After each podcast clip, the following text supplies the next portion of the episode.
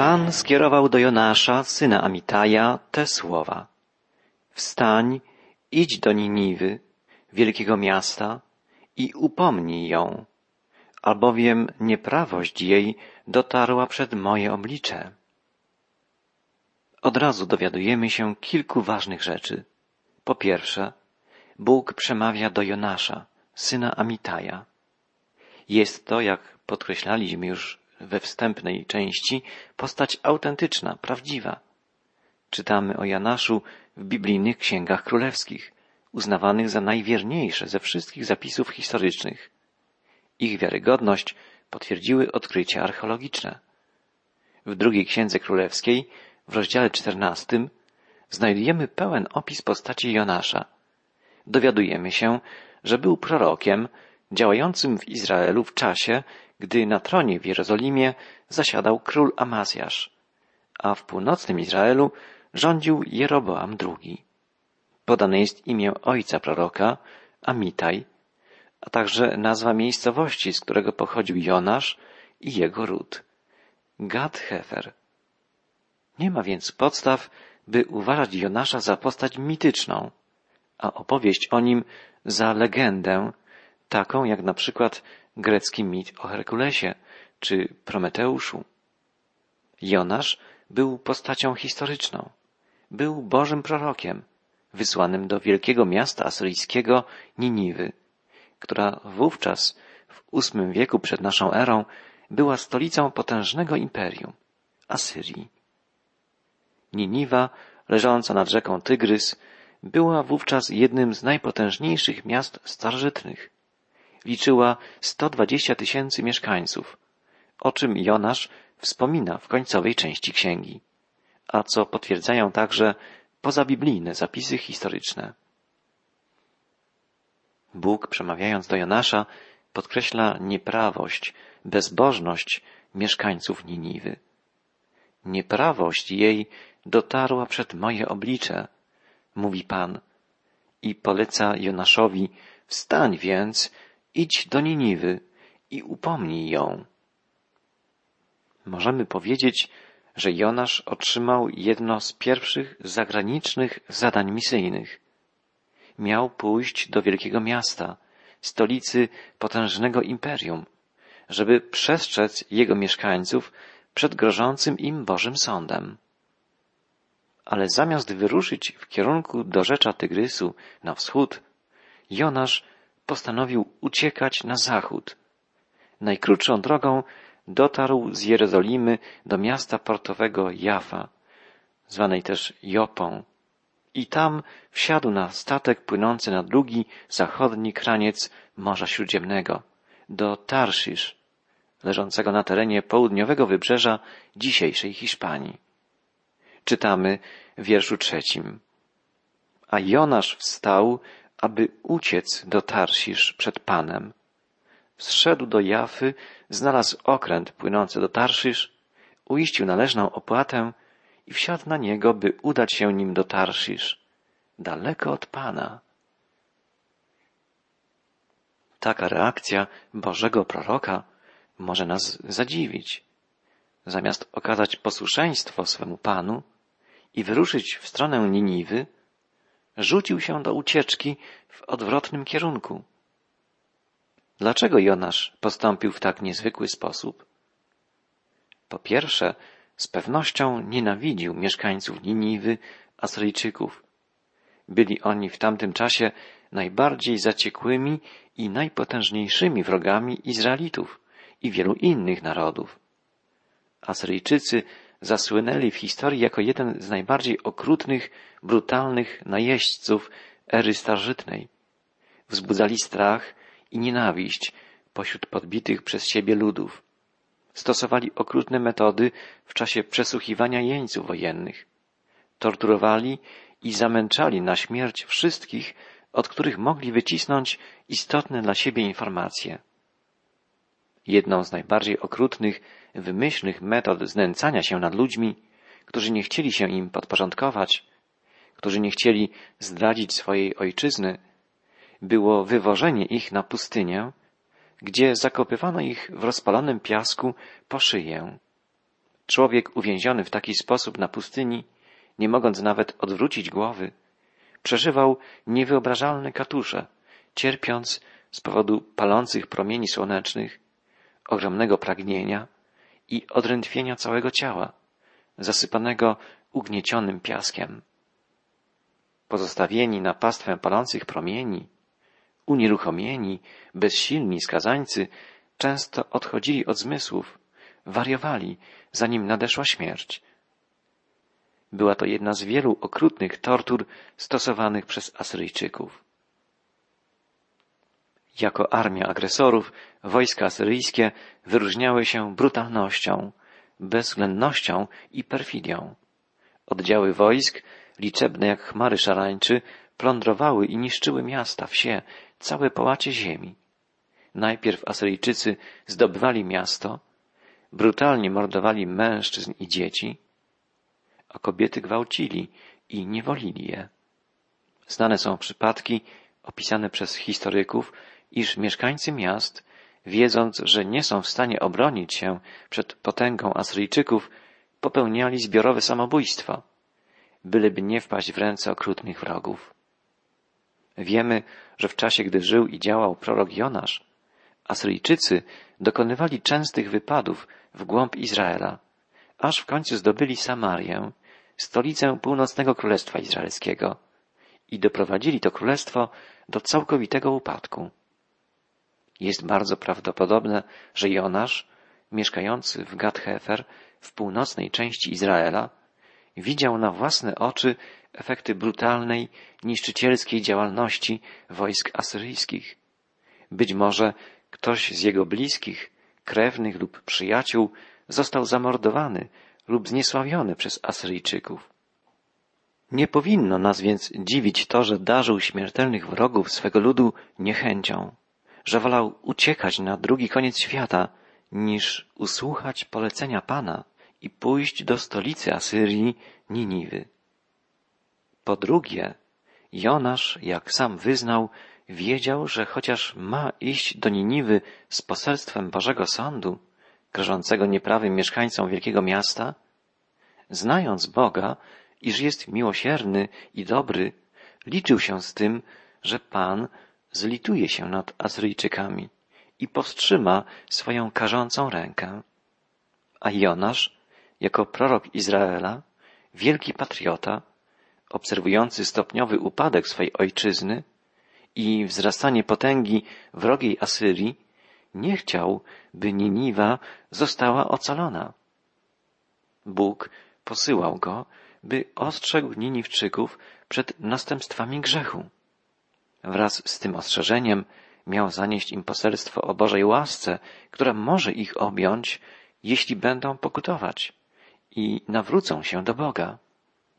A to oznaczało, że jeśli Bóg oszczędzi Asyryjczyków, umknie szansa uszczuplenia ich potęgi, zniszczenia stolicy wrogiego imperium. Musimy tu zauważyć, że Jonasz bardzo szczerze pisze o swoich uczuciach, o swym nieposłuszeństwie względem Boga i niechęci względem ludzi zagrażających jego narodowi.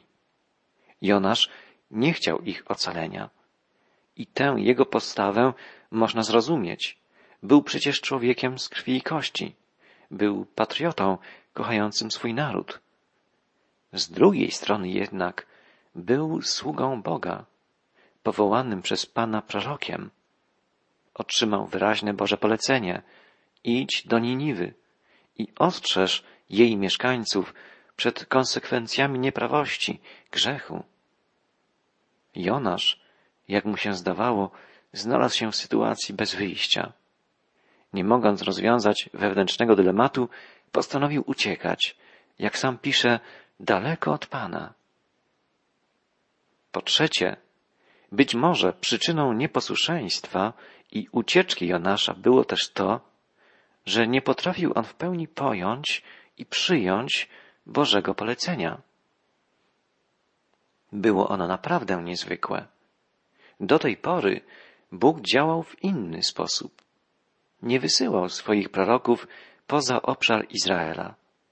Działali oni na terytorium albo północnego Królestwa Izraelskiego, albo Królestwa Południowego, judzkiego. Bóg nie wysyłał w tamtym czasie zagranicznych misjonarzy. Izrael jako naród miał być świadkiem Bożej mocy, Bożej prawdy, Bożej miłości, żyjąc w sposób odmienny, inny, wyjątkowy, regulowany przez Boże prawo, przez Boże wskazania. Ulokowany na skrzyżowaniu głównych dróg starożytnego świata, na skrzyżowaniu głównych szlaków handlowych, w miejscu, gdzie spotykały się kultury wschodu i zachodu, gdzie stykały się interesy i wpływy Azji, Afryki i Europy, Izrael miał składać świadectwo o żywym Bogu, Stwórcy nieba i ziemi. Bóg działał pośród Izraela i osadzając swój lud w centrum starożytnego świata, w miejscu strategicznym pod względem politycznym, handlowym, kulturowym i religijnym, Bóg pragnął, by Jego chwała manifestowała się w życiu tego ludu, w jakości ich życia. Zwróćmy uwagę, że sto kilkadziesiąt lat wcześniej, w stosunku do czasów Jonasza, to znaczy około tysiąca lat przed naszą erą, zarządów królów Dawida, potem Salomona, do Jerozolimy przybywali obcokrajowcy, ludzie reprezentujący różne kraje wschodu i zachodu, północy i południa. Przybywali do Jerozolimy, żeby odwiedzić świątynię, żeby dowiedzieć się czegoś więcej o żywym Bogu. Bogu, który dał Salomonowi mądrość, sławę i powodzenie. Przybyła tu na przykład królowa Saby, mądra i piękna afrykańska monarchini. Dlaczego wyruszyła w daleką podróż do Jerozolimy? Bo chciała poznać Boga Salomona, Boga dokonującego rzeczy wielkich, manifestującego swą chwałę i moc pośród narodu wybranego. Jonasz znał tylko taką rzeczywistość, działanie Pana pośród Izraela. Dla proroka myśl, by udać się do kraju wroga, do bezbożnej Niniwy i tam głosić słowo pańskie, była czymś zupełnie nowym, niezgodnym z dotychczasowymi doświadczeniami. Musimy tu zauważyć, że czas, kiedy wysłańcy Boga żywego otrzymali zdecydowane polecenie, by wyruszyć na zewnątrz do innych krajów, nadszedł wiele lat później. Dopiero Jezus Chrystus powiedział swoim apostołom, idźcie na cały świat i głoście dobrą nowinę o zbawieniu wszystkim narodom. Nawet wtedy było to z pewnością dla uczniów Jezusa, większości prostych Galilejczyków, czymś nowym. Jezus powiedział wszakże, weźmiecie moc Ducha Świętego, kiedy stąpi na was i będziecie mi świadkami w Jerozolimie i w całej Judei i w Samarii i aż po krańce ziemi. Po stąpieniu Ducha Świętego uczniowie rozpoczęli zwiastowanie Ewangelii w Jerozolimie i stopniowo rozszerzali zakres swego oddziaływania, docierając w końcu, głównie za sprawą podróży misyjnych apostoła Pawła, do krańców ówczesnego świata. Dzisiaj taka jest właśnie strategia działań misyjnych. Kościół Jezusa Chrystusa rozgłasza dobrą nowinę o zbawieniu po krańce świata. Tak przynajmniej powinno być. Zdarza się wcale nierzadko, że krytykujemy Izraelitów za to, że trzymali wyłącznie dla siebie prawdę o żywym Bogu, a sami postępujemy podobnie. Budujemy swój kościół na rogu ulicy i oczekujemy, że cały świat przyjdzie do nas, kiedy to my powinniśmy wyjść na zewnątrz, żeby głosić światu Ewangelię, żeby wskazywać na Jezusa, Zbawiciela. Niestety, nieraz trudno jest pobudzić ludzi Kościoła do działania. Trudno jest przekonać szerokie rzesze wierzących, że każdy z nich powinien być misjonarzem Jezusa, wszędzie tam, gdzie przebywa, gdzie dociera. Jednym z ważnych działań misyjnych jest bez wątpienia także głoszenie Ewangelii poprzez środki masowego przekazu, radio, telewizję, prasę. Ale nic nie zastąpi osobistych kontaktów, rozmów, spotkań, w czasie których każdy z nas może w bardzo indywidualny, specyficzny sposób zaświadczyć o miłości Chrystusa ludziom, których Bóg stawia na naszej drodze. Podkreślmy jednak jeszcze raz, że w czasach proroka Jonasza wychodzenie na zewnątrz, oddziaływanie w obcym środowisku było czymś nieznanym, czymś nowym, a więc reakcję Jonasza można by było w pełni zrozumieć i usprawiedliwić, gdyby nie to, że był Bożym prorokiem i powinien słuchać przede wszystkim Pana, nawet wbrew własnym odczuciom, własnym myślom czy obawom. Tymczasem Jonasz postanawia uciekać, uciekać przed Bogiem. Czytamy, Jonasz wstał, aby uciec do Tarszisz przed Panem. Zszedł do Jafy, znalazł okręt płynący do Tarszisz, uiścił należną opłatę i wsiadł na niego, by udać się nim do Tarszisz, daleko od Pana. Tarszisz było miastem leżącym na drugim końcu świata, najdalej na zachód w znanym wtedy obszarze Morza Śródziemnego. Wiemy, że było kolonią założoną przez Fenicjan, którzy w starożytności niepodzielnie królowali na morzu. Posiadali najpotężniejszą i najbardziej nowoczesną flotylę. Opanowali północne wybrzeże Afryki, handlowali egipskim zbożem, docierali do Hiszpanii i Bryt, skąd sprowadzali cynę. Pamiętamy, że fenicki król Tyru, Hiram, dostarczał królowi Dawidowi, a potem Salomonowi drewno i inne materiały budowlane na budowę świątyni w Jerozolimie.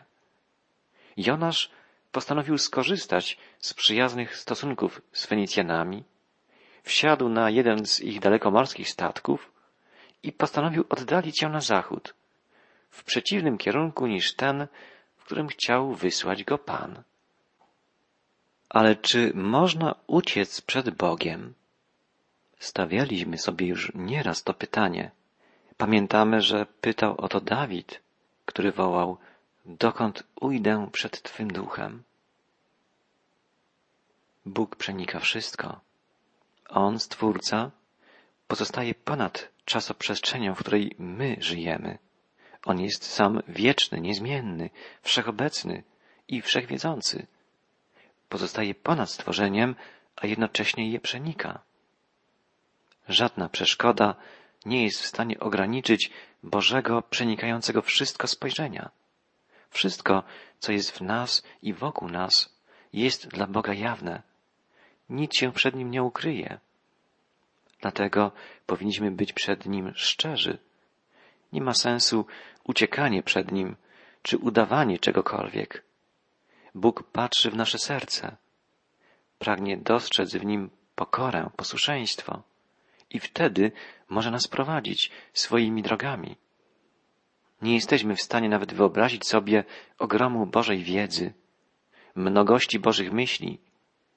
Jedno wiemy, wszystko dzieje się pod Jego kontrolą i On, wszechmocny Pan, prowadzi historię ludzkości i losy każdego z nas, zgodnie ze swoim odwiecznym planem, planem zbawczym, planem wytyczonym przez cudowne, odkupieńcze dzieło Jezusa Chrystusa. Nie można uciec przed Bogiem.